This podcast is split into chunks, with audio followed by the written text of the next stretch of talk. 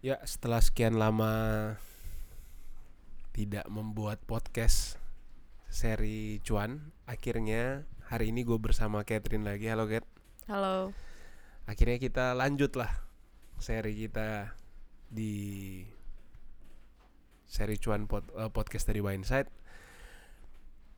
Kalau gue nggak salah kita udah ada 6 episode ya sebelumnya. ya. Ada beberapa brand dan startup, beberapa startup, kemudian brand eh, brand-brand yang mungkin rata-rata teman-teman semua pasti sudah lumayan familiar dengan brand-brand tersebut.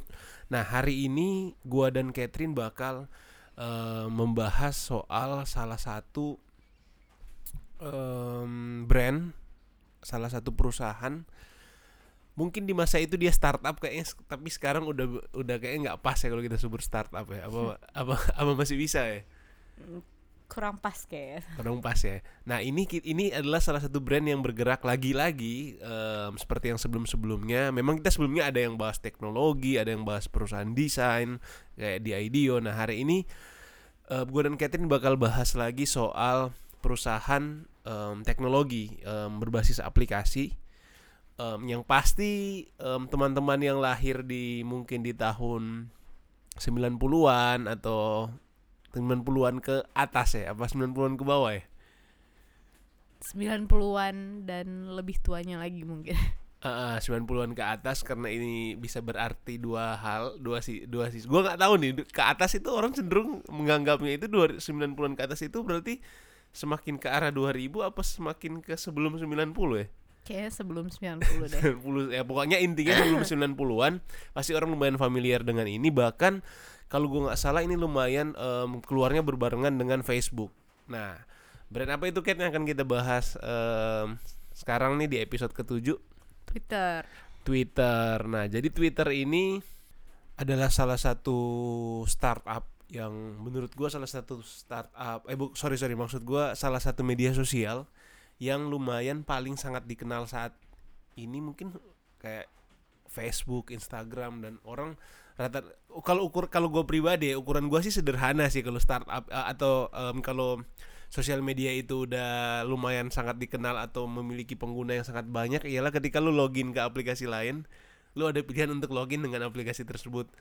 Ya gak sih? Kayak misalnya lu login apa gitu subscription apa gitu pasti kan ada pilihan eh, with Facebook atau with Google. Memang sih nggak sebanyak with Facebook sih start, eh, tapi ada kan yang setahu gua yang Ada dengan Twitter ya. beberapa.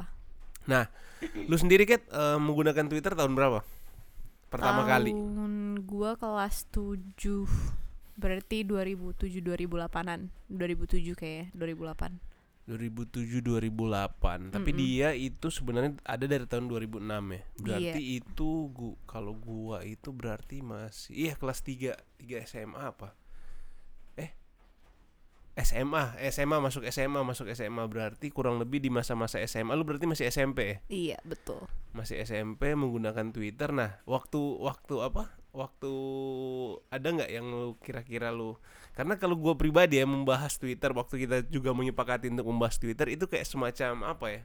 Bagi gue pribadi itu kayak kayak semacam nostalgia lama gitu nggak sih? Gue sekarang masih menggunakan Twitter tapi kayak nggak seintens zaman dulu sih lu ingat nggak masa-masa lu menggunakan Hmm. Twitter itu lu makainya buat apa tuh biasanya Waktu pertama kali bikin Twitter sih sebenarnya gara-gara itu banyak dulu kan gue suka banget yang kayak band-band Mhm. gitu. Nah mereka itu semuanya rata-rata pada suka update di Twitter. ya Band-band yang gue follow itu kayak All Time Low, terus kayak Mayday Parade kayak gitu-gitu itu semuanya pada pakai. zaman-zaman band emo lah ya Iya, lagi rame banget mereka pakai Twitter semuanya anggota-anggotanya. Ah. Jadi awalnya gue bikin Twitter itu demi untuk mengetahui status-status mereka karena dulu kan lu kayak cuman nge-tweet status pemikiran kayak nggak terlalu dipakai untuk balas-balesan Mhm. ataupun saling menanggapi.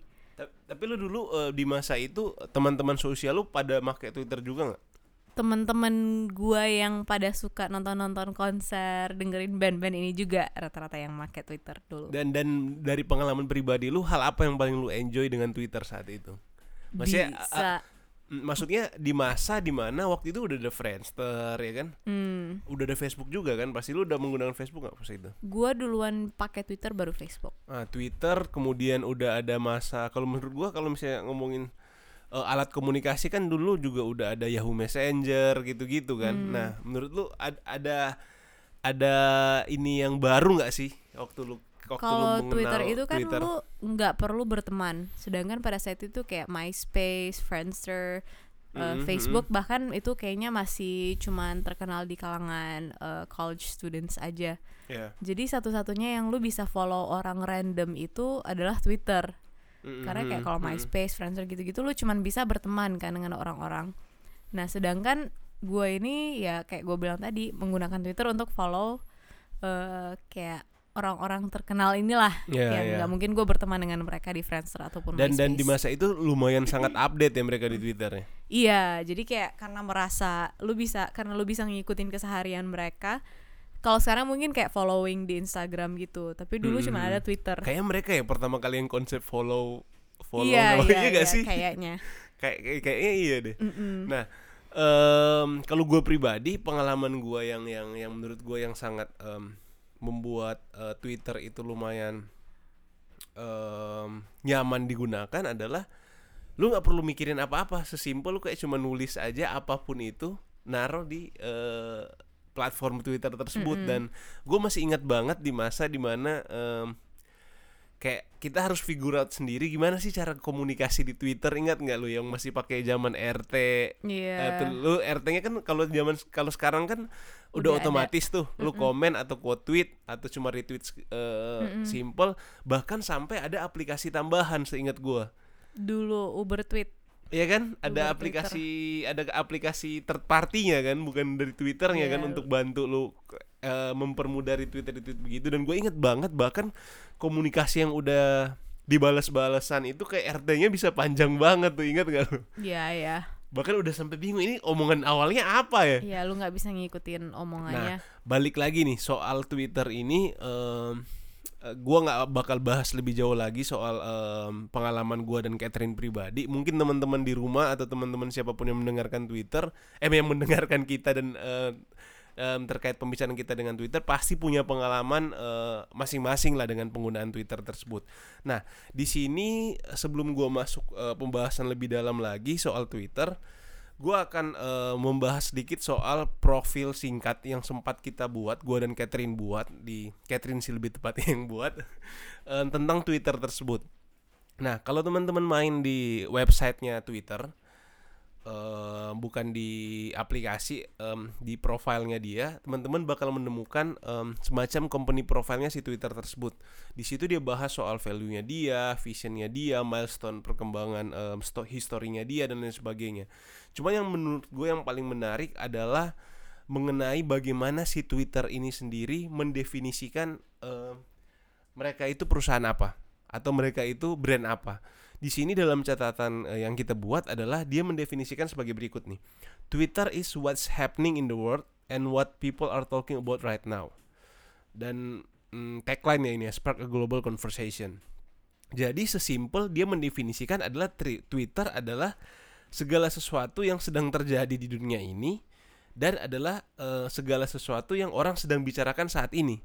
Dan menurut gua em, ini adalah semacam deklarasi deklarasi yang lumayan eh, pede yang lumayan percaya diri bahwa mereka itu adalah sesimpel sesuatu yang paling up to date paling update adalah Twitter lu mengetahui informasi sesuatu adalah dari Twitter kalau yang gua tangkap sih seperti itu sih kalau menurut lu gimana Kat?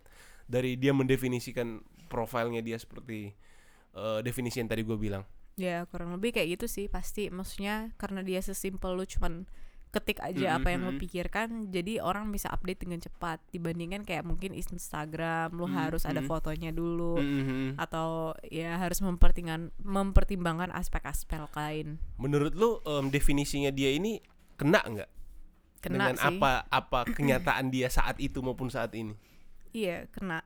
dan sangat mendefinisikan menurut lo Mm-mm, sesuai lah. dan kalau gua kalau gua pribadi sih eh, nggak tahu ya teman-teman mungkin yang mendengarkan punya pengalaman masing-masing bagi gua pribadi hal paling cepat. Memang sih kita sekarang banyak informasi ya yang bisa kita eh, bisa di televisi bisa di radio bisa di eh, podcast bisa di Instagram bisa di Facebook dan lain sebagainya. Cuma kalau gua pribadi gue selalu mengetahui informasi paling cepat itu di Twitter. Karena dia biasanya real time kan orang langsung Mm-mm. bahas dan sesimpel lu cuma cari hashtag atau kayak bener-bener banyak banget pembahasannya dan dan menurut gue itu eh, selalu salah satu sumber informasi paling a- paling cepat sih menurut gue paling terkini dan kayak contoh tuh kasus Garuda kemarin kasus Garuda di Rut Garuda kemarin itu kayak em, berita-berita media online dan lain sebagainya bahas udah eh, baru sampai mana Twitter buset udah berkembang ke mana-mana ini ya berita dan informasinya bahkan lengkap dengan foto-fotonya juga dan lain sebagainya. Nah intinya em, si Twitter ini mendefinisikan dirinya adalah salah satu eh, perusahaan yang di mana dia ini adalah perusahaan di mana segala sesuatu yang terjadi di dunia ini pasti bisa melalui Twitter atau bahkan apa yang orang eh, ceritakan saat ini yang orang sedang eh, yang ibaratnya bahasa sekarang mungkin viral saat ini pasti akan eh, melalui Twitter tersebut. Bahkan dia meng- eh, membuat tagline adalah spark a global conversation. Nah, foundersnya dia itu ada empat orang, ada Jack Dorsey, Noah Glass, Biston, Evan Williams, dan mereka ini adalah em, perusahaan dari Amerika Serikat dan establishnya tahun 2006. Sebenarnya ada cerita yang sedikit menarik dari em, si Twitter ini sendiri. Mungkin lu bisa cerita sedikit nggak kayak dia berasal dari perusahaan apa gitu-gitu. Hmm, jadi sebenarnya Twitter ini yang menarik adalah dia itu lahir dari salah satu perusahaan pada saat itu yang didirikan oleh Evan Williams, eh, Noah Glass, dan Biz Stone. Eh, mereka bertiga ini membuat perusahaan namanya Odeo, yaitu sebuah podcast platform. Nah. Bukan bukan IDEO ya. Bukan, Odeo. Nah, mereka ini eh, Odeo ini tapi kemudian mengalami suatu keturunan atau mengalami ya challenge terbesar mereka yaitu ketika iTunes mengeluarkan platform podcast di dalam aplikasi iTunes-nya sendiri dan investor-investornya langsung menyadari seberapa besar nih threat eh, yang dibawa oleh iTunes Mhm. sehingga mereka minta para founders ini untuk memikirkan kembali lah kira-kira lu mau bikin perusahaan apa nih perusahaan lu udah pasti mati nggak mampu Iya, iya. bersaing dan saat itu mereka bertiga akhirnya membuat semacam hackathon gitulah internal Hackathon itu kayak ini ya kayak bener-bener fokus yang mau mencari gitu ide ya. Hmm. mencari ide sih kayak lebih eh, mengundang eh, employees-nya untuk memikirkan ide Ya. dan mengusulkan ide kepada mereka. Nah, si Jack Dorsey ini yang sekarang menjabat sebagai CEO yang juga co-foundernya Twitter, dia itu pada saat itu sebenarnya cuma karyawan di Odeo ini. Iya. Tapi dia yang mengusulkan eh, ide dari Twitter ini dan ide inilah yang akhirnya diterima oleh Oh, di- Eh, dia dulu cuma karyawan ini. biasa di iya Odeo betul. itu. Em, dan di situ kebetulan dia yang mengusulkan. Yep. Nah, dan yang menarik juga gue tahu dari Catherine bahwa katanya jadi setelah itu em, ketika mereka udah sepakat untuk oh mereka harus harus eh, move bisnisnya ke Twitter, mereka sempat present ke pemegang sahamnya mereka ya. Ya ke investornya. ke investor yang mereka cuma saat itu investor-investor yang ada di situ menolak untuk em, setuju dengan usulan mereka terhadap eh, ber- berubah bisnis jalur bisnis ke Twitter. Namun yang menarik itu adalah katanya itu setelah Twitter gede akhirnya para pemegang jadi waktu itu si si Jacknya eh si Evan. Ya? Si Evan Williamsnya itu kayak nawarin ke pemegang saham ya udah kalau misalnya lu nggak setuju dengan konsep Twitter yang mau kita buat ya udah gue beli aja deh saham perusahaan lu yang udah terlanjur lu invest. Nanti nggak apa-apa biar gua aja dan yang lain-lain yang melanjutkan bisnis Twitter tersebut. Dan di saat itu menurut para pemegang saham itu kayak oh mereka nggak ada alasan untuk mempertahankan ini karena pitchingnya juga juga menurut mereka kurang bagus. Namun ke belakang ketika mereka tahu twitternya sukses dan lain sebagainya bahkan ada yang curiga bahwa hal itu sengaja dibuat oleh Evan ya Iya. tapi ini masih masih ya cerita-cerita jadi kayak di interview sih salah satu investornya Uh-uh. investor awalnya itu dan dia bilang ketika ya lu bayangin aja satu ruangan full of investors gitu dan nggak ada satupun yang tertarik dengan idenya bayangin seberapa buruk dia mempresent itu ya ya bukan soal bagaimana dia present sih tapi kayak ide Diduga yang dia purpose ya?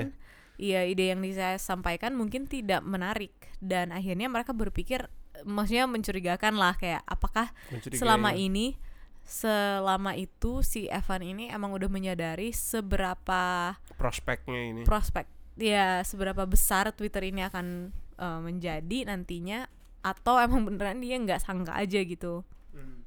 tapi yang mereka curigai bahwa ini dilakukan dengan sengaja ya? Iya Nah itu sih kurang lebih eh, sedikit eh, cerita menarik lah di balik pembentukan Twitter dan Warren Catherine nggak bakal bahas lebih jauh lagi tentang eh, banyak banget sebenarnya fakta-fakta menarik mengenai Twitter ini dan lain sebagainya. Contoh misalnya si eh, Jack kemudian akhirnya sekarang menjadi CEO, dia juga menjadi CEO salah satu perusahaan besar di Amerika juga dan bahkan dia nggak ngambil gaji di saat ini di ketika dia menjadi CEO. Mungkin teman-teman bisa banyak menemukan itu di em, ketika browsing dan lain sebagainya. Nah, seperti brand-brand sebelumnya em, yang udah kita bahas atau startup-startup sebelumnya, merek-merek em, perusahaan-perusahaan besar yang yang yang telah banyak mengubah eh, masyarakat, mengubah dunia, mengubah cara hidup manusia. Nah, kali ini gue juga akan eh, menanyakan beberapa hal yang akan gue diskusikan bareng sama Catherine dan juga mungkin bisa menjadi bahan pemikiran atau bahan perenungan teman-teman yang mendengarkan di mana pun berada. Eh, mungkin gue mulai dari pertanyaan pertama nih. Seperti biasa gue selalu menanyakan adalah dengan kehadiran si brand ini atau dengan kehadiran si perusahaan ini, hal apa sih dalam komun- komunitas atau dalam masyarakat kita sebagai manusia itu yang paling berubah? Dengan kehadiran Twitter, hal apa dalam komunitas yang paling berubah? Menurut lo apa, Kat? menurut gua kan ide awal dari si Jack Dorsey ini ketika dia membuat Twitter adalah karena dia sangat tertarik dengan konsep status Hmm. Eh, dan Twitter bisa dibilang ya pencetus lah soal konsep status ini lu bisa mengupdate status lu eh, entah itu keberadaan lu apa yang lu rasakan dan sebagainya yang mhm. akhirnya sekarang semua media sosial pasti menerapkan konsep itu Ya. Eh, dan ini lu bisa bagikan ke semua seluruh dunia siapa pun itu yang mengikuti lu di Twitter dengan waktu yang real time dan ini menurut gue sangat mengubah cara kita berinteraksi dengan orang atau bersosialisasi sih maksudnya Mhm. eh, zaman dulu itu sebelum kayak berkembangnya media sosial terutama sebelum adanya Twitter lu untuk mengetahui kabar dari teman atau kerabat keluarga lu itu eh kayak biasanya paling kalau lagi ketemuan baru nanya eh apa kabar apa Iya, eh, iya. gimana kabar lu sebelum sebelumnya dengan kehadiran kayak update status yang real time ini menurut gue itu mengubah cara kita berinteraksi dalam arti kita biasanya udah tahu gitu Mhm. apa yang sedang dilakukan ataupun eh, keberadaan teman-teman dekat kita, keluarga dekat kita Iya. tanpa harus bertemu. Dan menurut gua Twitter yang lumayan mencetus mencetuskan konsep ini sih. Hmm. Dan menurut lu yang paling mengubah adalah ketika orang em, bisa mengupdate keadaannya dia itu sesimpel hanya em, ketik kemudian upload gitu ya di, Mm-mm. di statusnya di Iya. zaman itu belum ada up- eh, status BBM kayaknya.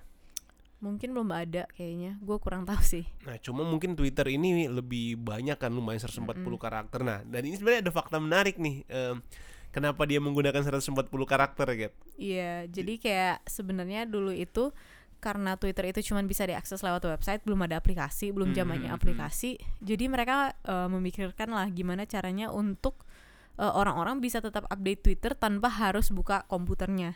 Iya. Karena itu akan mengurangi kesan real time itu kan. Iya, iya. Nah, jadi mereka bikin Oh, itu agar belum ada aplikasi ya. Iya, belum belum ada. Jadi mereka bikin gimana caranya eh, jadi lu bisa kirim lewat SMS. Lu pernah nggak pakai lewat SMS? Pernah, dulu emang jadi sih, lu kirimnya pernah. lewat SMS. Sekarang dulu sih lumayan banyak yang kayak gitu. Lu bisa kirim eh, apa? S apa Yahoo Messenger bahkan bisa lewat SMS. Eh, Nah, brek- jadi dulu Twitter mem- eh, mencetus hal itulah. Lu bisa kirim eh, updatean Twitter lu lewat SMS, tweet lu lewat SMS. Dan dulu kan SMS itu dibatasi 140 karakter. mhm. Bahkan sampai sekarang kayaknya SMS itu masih ada batasan karakter. Jadi Hmm. 140 karakter itu sebenarnya untuk me- me- memadai eh, menyesuaikan konsep dengan, iya, dengan, menyesuaikan dengan dengan, si SMS itu Iya, ya. betul. Kayaknya sampai sekarang juga SMS 140 karakter iya deh. kayaknya. Gue nggak tahu deh kenapa dia harus membatasi 140 karakter. Cuma kalau teman-teman penasaran kenapa dulu, sekarang sih udah enggak ya si Twitter udah nggak ada batasan eh, ada, tapi setahu gue 280 sekarang kayaknya. dua kali lipat ya, Iya. jauh lebih panjang sih. Cuma udah pakai thread dan lain sebagainya. Kurang lebih itulah kenapa dia waktu itu start dengan 140 karakter. Nah, kalau gue pribadi em, men- ketika ditanyakan misalnya nih hal apa dalam komunitas yang paling berubah, kalau gue ini sesuai pengalaman pribadi juga adalah kemampuan lu untuk mengekspresikan sih kalau menurut gue. Hmm. Kayak mis- terutama dalam hal menulis, mengungkapkan pendapat.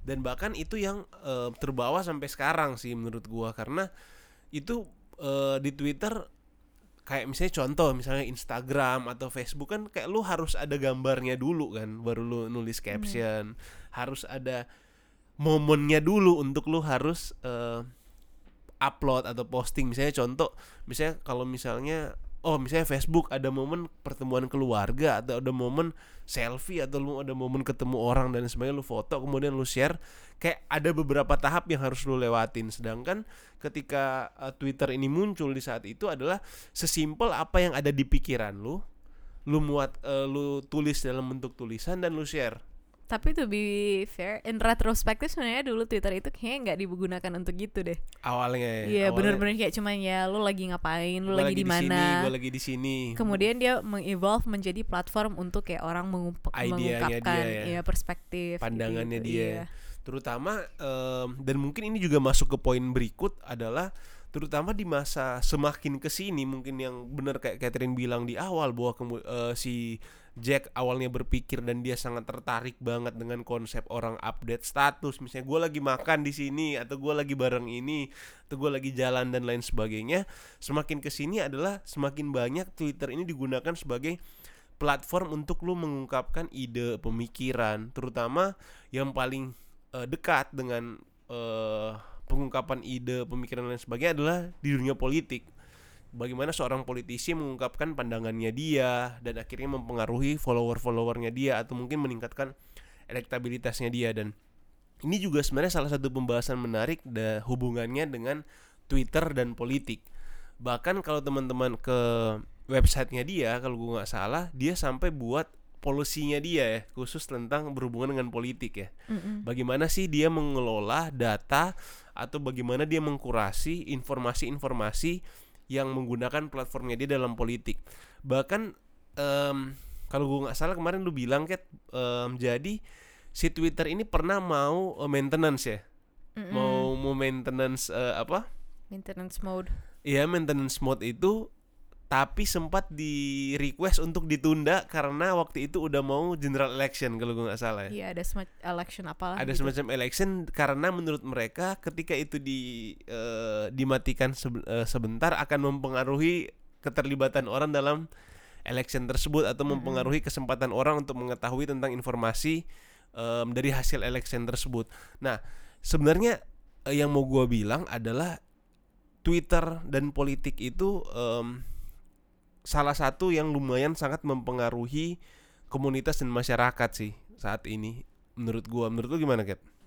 Ya pasti mempengaruhi sih. Maksudnya sebenarnya bukan fungsi, tapi eh, kekuatan dari sosial media itu kan sosial media apa pun dia Ya. membuat kita merasa dekat Betul. tanpa harus ketemu, tanpa harus lu ngobrol, tanpa harus lu eh, bener-bener kayak make effort untuk bertemu dengan orang-orang ini, lu bisa tahu keberadaan mereka. Itu mungkin untuk relasi orang yang kita kenal. Tapi melebihi itu untuk relasi dengan orang yang tidak kita kenal itu kayak somehow membuat mereka em, jadi merakyat gitu jadi kayak politisi-politisi pun menggunakan Hmm. sosial media untuk Hmm. bisa menunjukkan sisi humanis dari mereka menunjukkan kayak Mm. eh, keseharian mereka jadi masya- masyarakat dan merasa dekat. merasa dekat gitu Apalagi kalau dibalas satu-satu gitu ya. Mm-mm. Dan yang menurut gue yang paling berasa adalah eh, mungkin politisi itu kan zaman dulu ya mungkin ketika dia mau mengungkapkan pandangannya dia itu kan harus dalam interview di stasiun televisi Mm-mm. atau mungkin harus dipanggil dulu di Betul. acara live dan lain sebagainya harus konferensi pers atau mungkin terungkap dalam pandangannya dia ketika dia berada di rapat-rapat di DPR atau mungkin ketika dia membuat suatu produk eh, politiknya dia. Sebenarnya juga nggak berlaku bukan hanya berlaku di politik sih cuma ketika hadirnya Twitter ini adalah se- sesederhana ketika dia punya pemikiran dia tinggal share ters- eh, hal tersebut melalui Twitter. Pandangannya dia misalnya tentang em, contoh misalnya politik em, yang peduli soal lingkungan hidup dan lain sebagainya yang dia nggak perlu media yang harus oh gue harus kumpulin media dulu nih untuk gua konferensi pers sampaikan. Sesimpel dia cuma em, ketik di HP-nya dia dan orang udah mengetahui bahwa oh contoh misalnya oh Catherine eh, pilihan politiknya si A misalkan atau pilihan politiknya adalah melakukan kebijakan ini kebijakan itu dan lain sebagainya. Dan mungkin teman-teman juga lumayan familiar lah dengan salah satu politisi di barat misalnya Donald Trump misalkan kayak buset kayak dia lebih sering nge-tweet sih daripada kerja.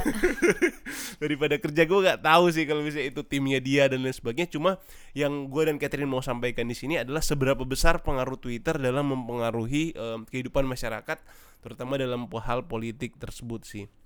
Dan news juga. Bagi gue sekarang kalau misalnya lu tahu berita kayak hampir semua media berita sekarang pasti uploadan pertamanya itu atau setidak-tidaknya itu pasti dia kayak paralel dengan tweetannya dia sih iya gak sih karena lu bisa juga otomatis kan Hmm. Dan itu benar-benar lu udah bener mengubah pola pikir lu tentang bagaimana lu mengkonsumsi berita. Kalau dulu kita mengkonsumsi berita, kita harus eh, pantengin TV, tahu jadwal jadwal berita, misalnya oh, oh jadwal berita itu setiap jam 8 atau breaking news dalam waktu-waktu terten- tertentu. Tapi Twitter itu benar-benar bisa tiap detik atau mungkin tiap beberapa detik itu ke update dengan berita yang baru tergantung seberapa update si account beritanya tersebut eh, mengupload konten dalam dalam Twitter tersebut. Dan em, kurang lebih itu sih untuk pertanyaan mengenai dalam hal dalam hal masyarakat atau dalam hal dalam komunitas seberapa besar sih pengaruh Twitter dalam eh, kehidupan kita manusia. Dan dan mungkin tambahan sedikit dari gua adalah dengan adanya Twitter orang semakin bisa menjadi tempat belajar menulis nggak sih? Kayak belajar menuangkan pendapat justru kayaknya menurut gua. merusak cara orang literasi orang deh Twitter. Kenapa menurut lu begitu? Karena dulu sampai sekarang pun dibatasi kan. Jadi lu harus kayak mengungkapkan pemikiran lu dengan cara yang singkat dan biasanya itu menjadi kayak grammatically incorrect ataupun lu karena mengorbankan terbataskan Iya, terbatas karena ada dengan keterbatasan itu. Jadi nggak bisa jelasin lebih detail gitu ya? Iya. Ya plus minus lah. Tapi di sisi lain orang yang mungkin takut untuk pembahasan yang lebih panjang lebih detail lebih akademis bisa menyalurkannya lewat Twitter sesimpel pendapat yang sangat singkat atau eh, menggunakan bahasa sehari-hari sih. Nah selanjutnya adalah pertanyaan yang yang yang yang tentu eh, di seri cuan ini perlu kita bahas adalah dari sisi bisnis. Dari sisi bisnis menurut lu atau dalam hal yang tadi lu ada tambahan nggak Kat? Sih. kira-kira yang yang yang berkaitan dengan em, bagaimana pengaruh Twitter dalam komunitas. Nah, berarti gue lanjut dalam poin kedua ya. Di poin kedua ini adalah yang gue pengen bahas bagaimana sih sebenarnya Twitter ini bisa mengembangkan lagi bisnisnya dia. Menurut lu? Kalau gue pribadi sih, gue nggak tahu ya teman-teman em, yang lain itu beranggapan gimana jujur di beberapa tahun dari dia terbentuk 2006 gua masih terutama beberapa tahun terakhir sih ketika gua udah mulai ngerti em, bagaimana em, perusahaan terutama di bidang teknologi aplikasi eh, making money dan lain sebagainya bagaimana mereka bisa eh, monetize em, bisnisnya mereka. Jujur di awal gua lumayan bingung sih gimana caranya si Twitter bisa memonetize em, ininya mereka sih memonetize apa bisnisnya mereka. Apalagi di masa itu setahu gua itu Twitter nggak bisa upload gambar. Iya nggak sih? Mm-mm. kayak eh, lu hanya bisa upload tulisan nggak bisa upload gambar bahkan setahu gua nggak bisa taruh link. Bisa nggak ya? Bisa.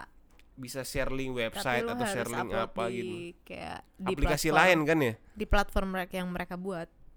Kayak em, pokoknya poin dari gua adalah nggak sefleksibel misalnya Facebook yang dia bisa naruh gambar, naruh video, naruh em, thumbnail dari ini yang lain, third party yang lain. Nah, di saat itu jujur gua nggak nggak nggak nggak kebayang sih kira-kira dia bisa ngembangin ini dan dia bisa memonetize si Twitter yang ini seperti apa.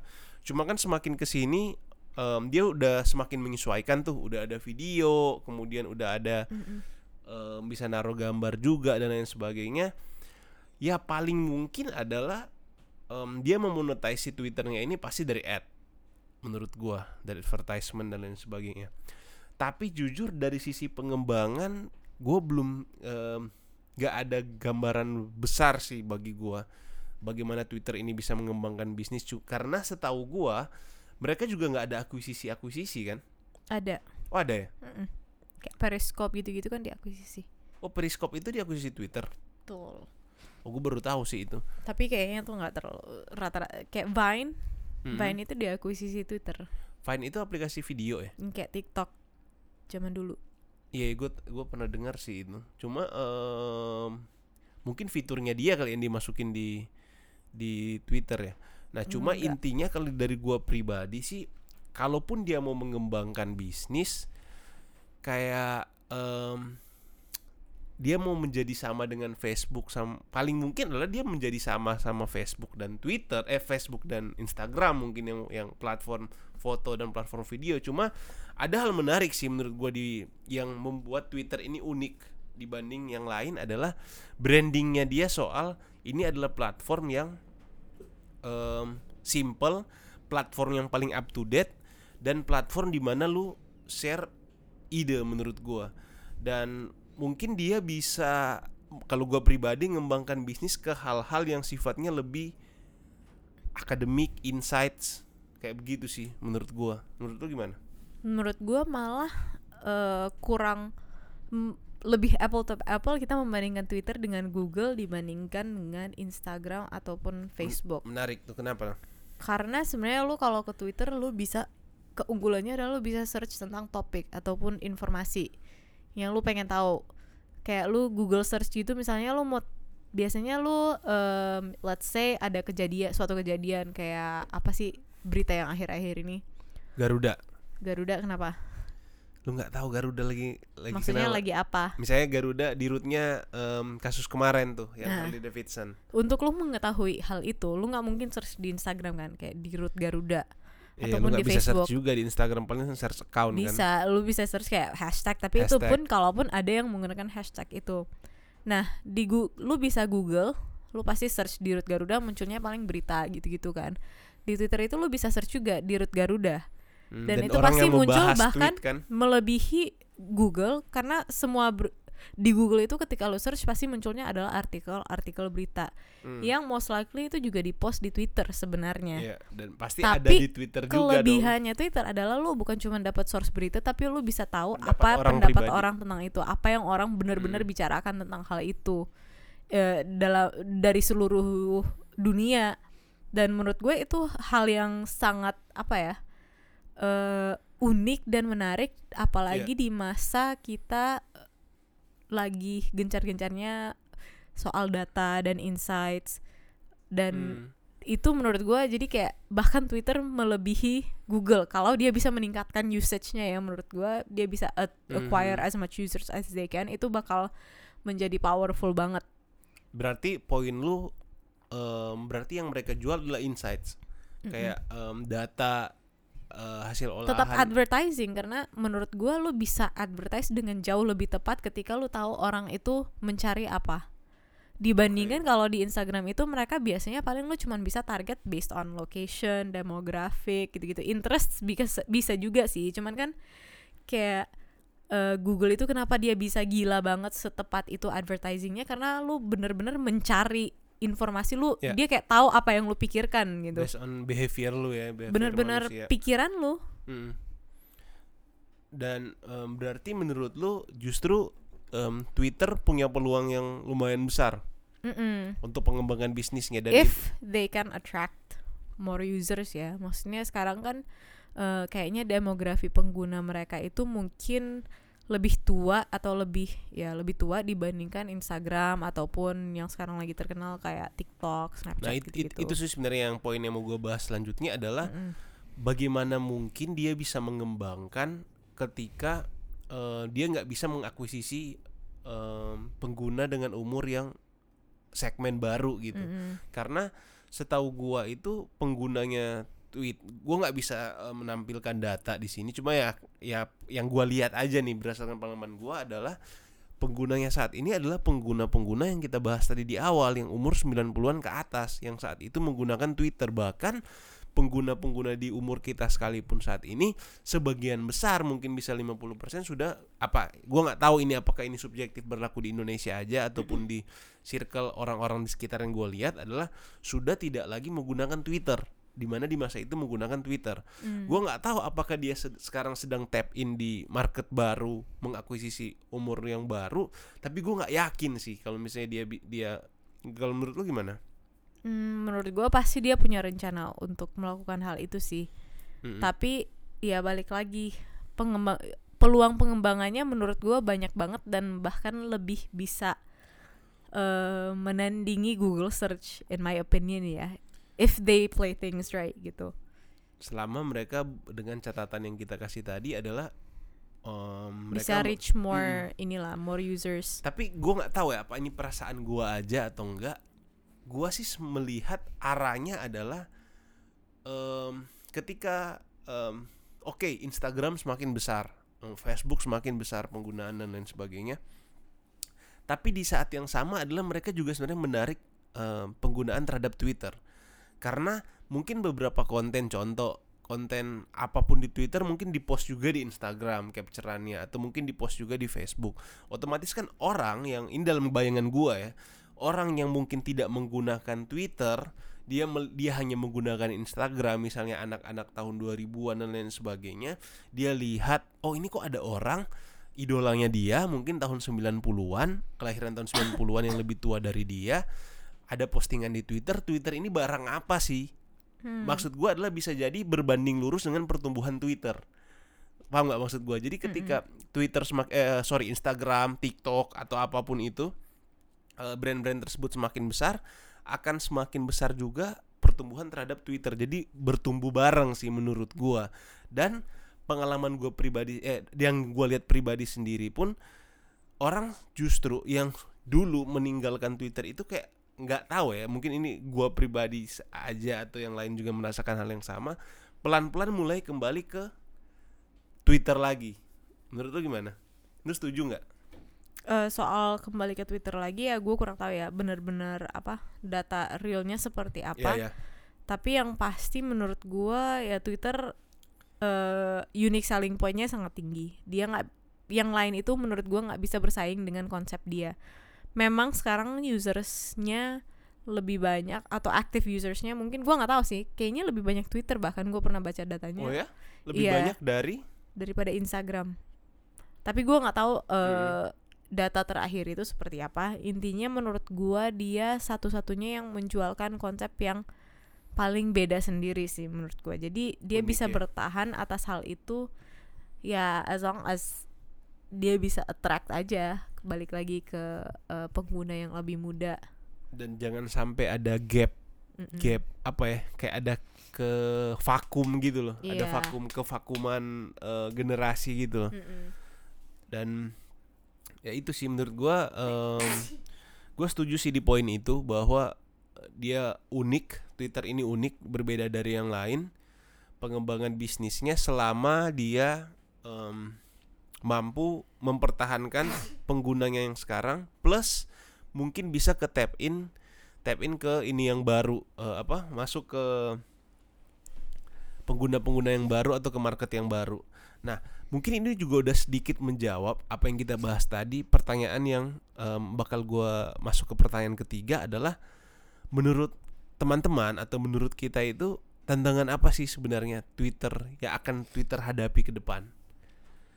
Udah pasti sih ya balik lagi yang kita bicarakan tadi soal pengguna demografi penggunanya tapi juga menurut gue salah satu tantangan dia eh adalah bagaimana dia bisa apa ya tetap mempertahankan sih kayak konsep inti dari eh, Twitter itu sendiri Hmm. dan nggak berusaha untuk menandingi eh, platform-platform media sosial yang lain which yang gue lihat sih memang dia menggunakan strategi itu dia nggak mau berusaha eh, menjadikan dirinya sama dengan yang lain untuk bisa attract users mereka tapi dia tetap konsisten dengan kayak konsep intinya dia sih Nah, tadi gua menarik eh, poin yang lu bilang adalah tetap menjaga keunikannya dia. Em, bagaimana dia awal dibuat.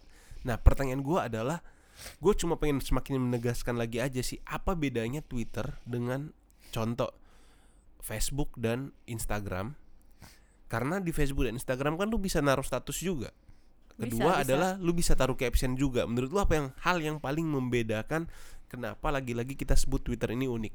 dari user experience dari experience usernya lu pasti ngerasain kan beda maksudnya Mm, mm. fokus utamanya ketika lu buka Twitter adalah teksnya betul betul Captionnya. betul betul ya entah itu caption ataupun teks kayak intinya lebih ke teksnya interface sama experience-nya Iya, eng, iya, tapi kayak maksudnya secara konsep pun menurut gue udah beda banget karena fokus Instagram adalah gambar.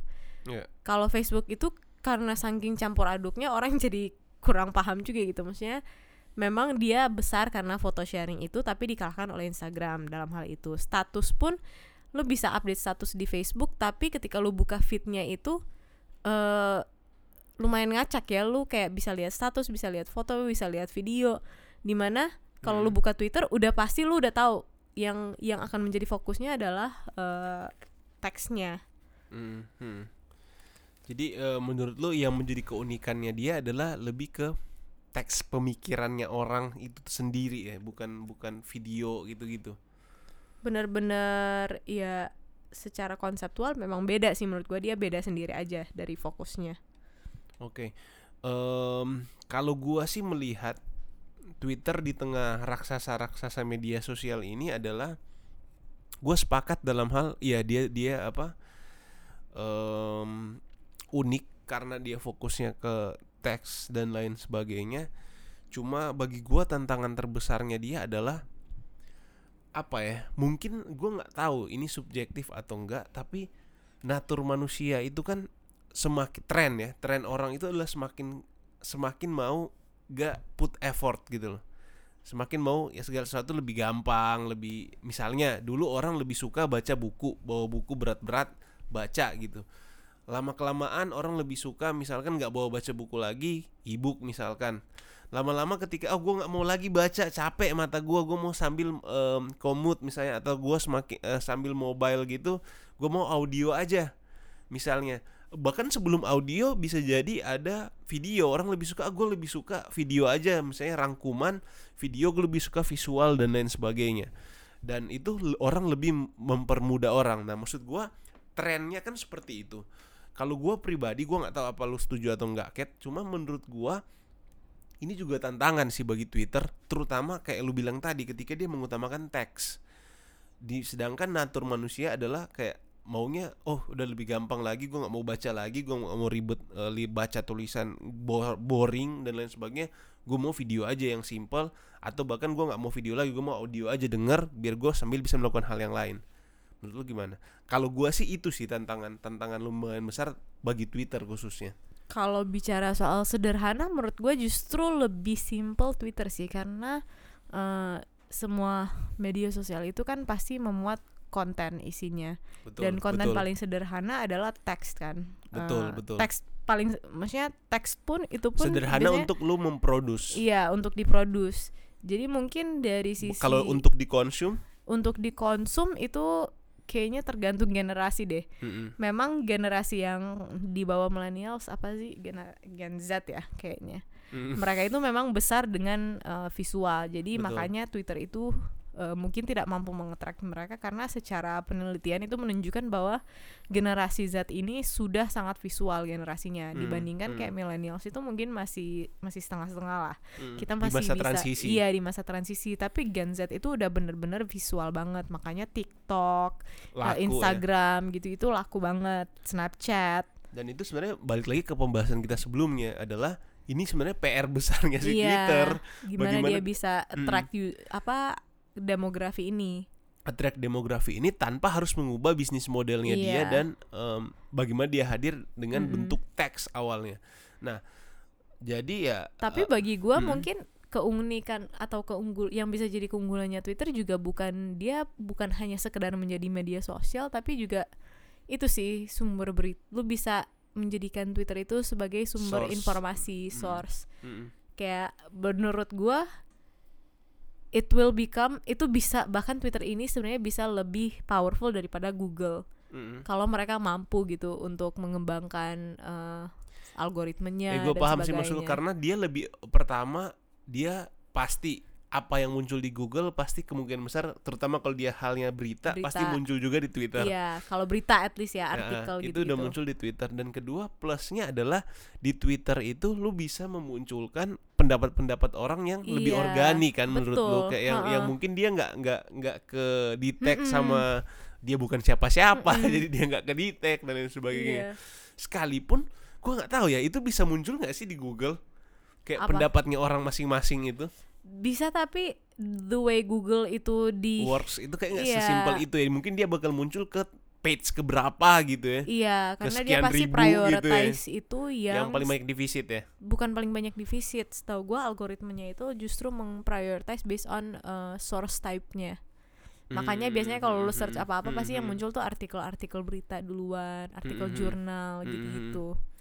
Nah, ber- oh iya benar juga sih gue juga baru kepikiran berarti sebenarnya bisnis modelnya kurang lebih sama kayak Google ya. Hmm, makanya menurut gua dia lebih lebih layak dibandingkan itu dengan Google dibandingkan kayak Facebook, Instagram. Apalagi yang dia yang dia collect si Mm-mm. Google eh, si si Twitternya ini lebih targeted yaitu Iya. pendapat orang. Iya. Ya gak sih pendapat orang sama berita lah tambahan gitu. Dan mungkin itu alasannya kenapa kayak semakin banyak orang mu- bukan semakin banyak orang maksudnya eh, pengguna pengguna Twitter yang sangat aktif usersnya itu lebih banyak itu mungkin yang eh, interest in literacy-nya itu tinggi Mm-mm, mm. kayak yang suka membaca, suka menulis dan sebagainya karena itu menyerupai kayak lu collecting information, lu collecting insights dan membagikannya juga. Ya siapa tahu nanti abis kita bahas ini tiba-tiba ke depan Twitter malah jadi search engine kan berarti. iya, eh, menurut gua sekarang itu udah jadi search engine gua juga sih secara pribadi sebenarnya. Iya, iya, iya, iya, Gue iya. lebih tertarik cari eh, berita ataupun suatu Di current Twitter. event itu di Twitter karena gue bisa lihat juga. Karena kayak kalau Hmm. gue pun nonton di YouTube pasti sambil playing video YouTube-nya gue lebih cenderung untuk tertarik baca komen-komennya. Begitu juga dengan postingan di Instagram. Karena gue pengen tahu nih pendapat orang sebenarnya terhadap hal ini apa. Kalau sekedar informasi kejadiannya aja kan kayak ya udah gitu. mungkin fakta orang aja. Twitter siapa tahu eh, in any gue nggak tahu lah tiba-tiba mungkin dengar podcast kita Amin gitu. dan, dan dia punya akses ke Twitter dan sebagainya justru malah menjadikan ini ide dan gue nggak tahu sih tapi Iya. menurut gue itu rasional banget sih Mm-mm. sangat sangat eh, sangat sangat make sense sih Mm. kayak apa eh eh, apa itu bisa jadi justru saingannya lebih ke Google-nya itu Iya. sendiri cuma lagi-lagi gua em, yang gua lihat adalah tantangan terbesarnya adalah tren manusianya itu sih Mm-mm. Tren manusia di mana orang semakin mau yang visual dan lain sebagainya Mm-mm. mau seberapa besar eh, seberapa lama Twitter mampu bertahan Mm-mm. dengan itu dan berinovasi dengan itu sih dan pertanyaan gua selanjutnya adalah gua nggak tahu teman-teman eh, mungkin yang mendengarkan podcast ini punya pendapat lain atau bisa jadi nggak setuju dengan pendapatnya kita tentu kita berharap juga teman-teman bisa kasih masukan mungkin bi- bisa lewat komen atau bisa lewat apa pun itu Eh, Mhm. silahkan share di di podcastnya kita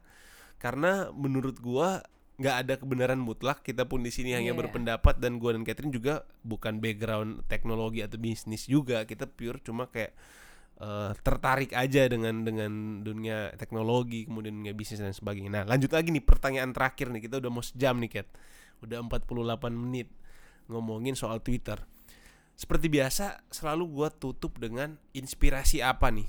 Kira-kira yang kita dapatkan atau yang eh, pengguna Twitter dapatkan ataupun terlebih khusus yang mendengarkan em, episode cuan ini episode eh, tentang Twitter ini dapatkan dari cerita atau dari pembahasan kita tentang Twitter Kalau bagi gua sendiri sih sebenarnya yang paling menginspirasi gua adalah kepercayaan si Jack Dorsey terhadap Twitter ini konsep yang dia ciptakan ini. Iya. Karena kalau mau dibilang eh, dia lumayan dalam beberapa tahun terakhir ini pasti sudah mengalami penurunan. Walaupun sekarang mungkin lagi naik lagi, tapi sempat mengalami penurunan yang sangat sangat drastis gitu. Iya.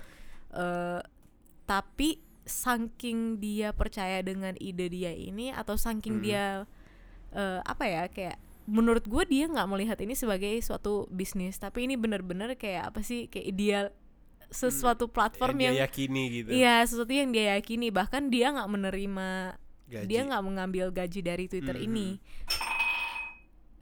sorry Iya, dia Heeh. sampai nggak ngambil gaji dari Twitter ini, dia tetap mau bertahan sekalipun eh, stock sharesnya, share stock price-nya udah jemplong banget, tapi kayak dia tetap mau mempertahankan hal ini karena dia lihat seberapa besar sebenarnya impact-nya. Dan eh, itu sih menurut gue yang menjadi inspirasi terbesar. Em, kalau gua pribadi inspirasinya adalah apa ya kemampuan Twitter untuk bertahan di masa-masa invasinya si Instagram. Facebook, Instagram dan lain sebagainya sih. Gua jujur ya, kalau kalau nggak salah gue pernah ngomong deh ke lu waktu itu di beberapa tahun lalu, dua tahun lalu, pas tahun lalu gitu gue bilang taruhan ya pasti bentar lagi Twitter mati nih atau bangkrut. Hmm. Dan gua menunggu dan melihat itu nggak pernah terjadi, malah kok semakin banyak orang yang gunain Twitter Bangkit lagi. lagi gitu ya. Dan gua pribadi jujur tiga tahun lalu itu kan gua uninstall, gua nggak pernah pakai dan lain sebagainya. Gua nggak tahu apa penyebabnya tiba-tiba gue mulai rutin banget sekarang pakai Twitter Gue mah tinggal itu yang sosmed Heeh. yang ada. makanya makanya bagi gua inspirasi terbesarnya adalah mungkin ketika lu menjalankan bisnis atau ketika lu merunning em, em, apa ya perusahaan lu kemudian em, startup yang teman-teman buat dalam bentuk eh, bidang apa pun itu adalah mungkin ada masanya di mana itu sangat bekerja dengan baik maksud gua adalah oh itu benar-benar masa keemasannya lah benar-benar Hmm. bagus tapi masa keemasan itu pasti ada masa di mana itu nggak emas lagi Hmm. bisa jadi masa batu misalkan masa yang lu bakal eh, bersaing dengan orang-orang lain yang mungkin lebih baru lebih fresh lebih berbeda dengan lu. Tapi di masa-masa itu si twitternya eh, teman-teman nggak perlu quit atau nggak perlu mundur. Tapi bukan apa ya serba salah juga sih. Bukan berarti lu kayak lu harus Memaksakan. bertahan menghabiskan waktu untuk hal yang ujung-ujungnya lu tahu bakal hancur juga. Cuma di poin ini ya benar yang kata Katy bilang tadi bahwa dia percaya ada sebenarnya sesuatu yang sangat prinsip di dalam aplikasi ini yang harus dipertahankan. Yang layak dipertahankan. layak dipertahankan dan dia percaya bahwa ini hanya matter of time aja hanya masalah waktu aja. Bahwa suatu saat orang pasti bakal balik lagi kok ke Twitter ini. Dan bagi gue ini inspirasi yang besar banget sih karena kadang kan kalau uh, terutama kita di umur yang masih muda dan lain sebagainya kan kadang di masa em, masa-masa tertentu kadang mikir aduh ngapain sih? Terutama em, kayak ah, kayaknya kita gua harus coba hal yang lain deh. Kayak ini ditinggalin aja cabut kita coba yang lain mungkin ada opportunity lain. Padahal sebenarnya apa yang teman-teman buat atau apa yang kita buat saat itu kayak cuma lagi di masa tertentu yang lagi di bawah aja mungkin suatu saat itu bisa naik lagi. Dan menurut gue Twitter adalah contoh yang sangat jelas karena gue bener-bener merasakan sendiri sih. Kayak Twitter dulu bener-bener sangat tinggi banget. Gue bahkan menggunakan itu kayak sambil ngo eh, apa kalau gue lihat timeline gue yang lama itu kayak buset ini rutin banget sih gunainnya. Dan masa-masa di mana Instagram mulai masuk Facebook Facebook mulai masuk pelan-pelan frekuensi penggunaan menurun bahkan sampai di uninstall di delete bahkan ya untung aja account gua masih ada misalnya account gua yang lama nggak gua eh, gua masih ingat passwordnya dan sebagainya bagi gua itu sih inspirasi yang em, terbesar yang gua dapat dari Twitter. Dan gua nggak ngerti gimana caranya dia bertahan. Dia mungkin harus eh, cut banyak orang pecat banyak orang gua nggak tahu sih. Mungkin di saat itu dan dan dan kayak pet contohnya. Udah hilang kan? Mm-mm. aplikasi eh, apa eh, media sosial juga. Dan mungkin karena faktor uniknya tadi kali ya kita yang yang itu nggak Iya. ada di hal yang lain kalau pet kan masih agak mirip tuh Ya, Masih- mungkin karena esen, maksudnya kayak foundational banget gitu konsepnya. dan ini mungkin juga eh, inspirasi adalah ketika kita membuat sesuatu kita harus membuat sesuatu yang eh, apa ya ada ada sesuatu Ada core ini. Iya, ada core yang betul-betul lu tahu lah prinsip utamanya Mm-mm. apa dari situ. Mm-mm. Misalnya kayak tadi kan kalau dari si eh, apa? Si Jeff tadi, eh si Jack tadi adalah dia tahu bahwa prinsip orang itu pengen update status. Mm-mm. Iya kan? Pengen memberikan informasi tentang hal apa yang terjadi dalam kehidupannya dia saat ini. Mm-mm. Dan itu bisa bisa dan sebenarnya itu juga diterapin ke story kan. Story kan Mm-mm. juga begitu sebenarnya. Story di Instagram dan Tapi agak lebih besar aja effortnya Iya, agak gitu. lebih besar effort dan dan oh ya dan mungkin kebetulan eh, mumpung gua ingat adalah mungkin plusnya Twitter adalah dia nggak mu- mungkin nggak nggak terlalu bahkan banyak kuota kali ya bisa jadi iya kan karena lu bisa matiin juga kan untuk auto Uh, uh. video oh iya itu, itu fitur foto. menarik sih fitur yang yang dia auto untuk open uh, loading si Mm-mm. video sama gambarnya kan dan mungkin itu juga salah satu selling point yang sangat menarik dari Twitter sih yang yang membuat dia bisa bertahan sampai sekarang adalah iyalah cuma tulisan Minim doang kuota. kan. Apalagi YouTube uh, kuota dan apalagi kan zaman fakir kuota zaman sekarang kan orang uh, harga kuota internet juga makin variatif dan makin tinggi. Ya jadi seperti itulah Em, kita udah mau sejam 5 menit lagi sejam podcast em, episode Twitter ini. Dan mungkin itu untuk episode kali ini. Gua nggak tahu mungkin teman-teman punya pendapat yang berbeda bisa juga setuju bisa juga enggak dengan pendapat gua dan Catherine. Eh, mudah-mudahan dari episode ini teman-teman yang mendengarkan boleh mendapatkan informasi yang baru boleh terinspirasi dan kalau seandainya teman-teman merasa bahwa podcast ini bermanfaat, bahwa podcast ini bisa memberikan dampak em, dalam kehidupan teman-teman dalam sisi usaha, dalam sisi apa pun pengetahuan dan lain sebagainya, please jangan segan untuk share eh, atau rekomendasiin podcast Wineside ini di pacar lu ke, teman lu, sahabat lu, teman kuliah lu, teman kelas lu, siapa pun itu keluarga lu di grup keluarga di grup grup WA keluarga lu atau siapa pun itu jangan segan dan jangan lupa juga follow um, account Instagram kita @wineside.id eh, follow juga atau subscribe eh, account YouTube kita di um, Wineside juga namanya. Dan juga jangan lupa follow podcastnya kita di Spotify di Apple Podcast dan Anchor di mana pun em, platform-platform podcast yang ada disebar em, account mindset.id. Paling itu dari gua dan em, teman-teman mungkin yang merayakan Natal, mungkin di saat eh, podcast ini di upload mungkin sudah menjelang Natal. Selamat hari raya Natal dan teman-teman yang pasti semua sih merayakan tahun baru.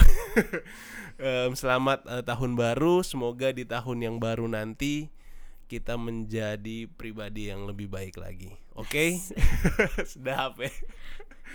Oke, gua Richard dan gue Catherine sampai ketemu ke episode di episode cuan selanjutnya. Thank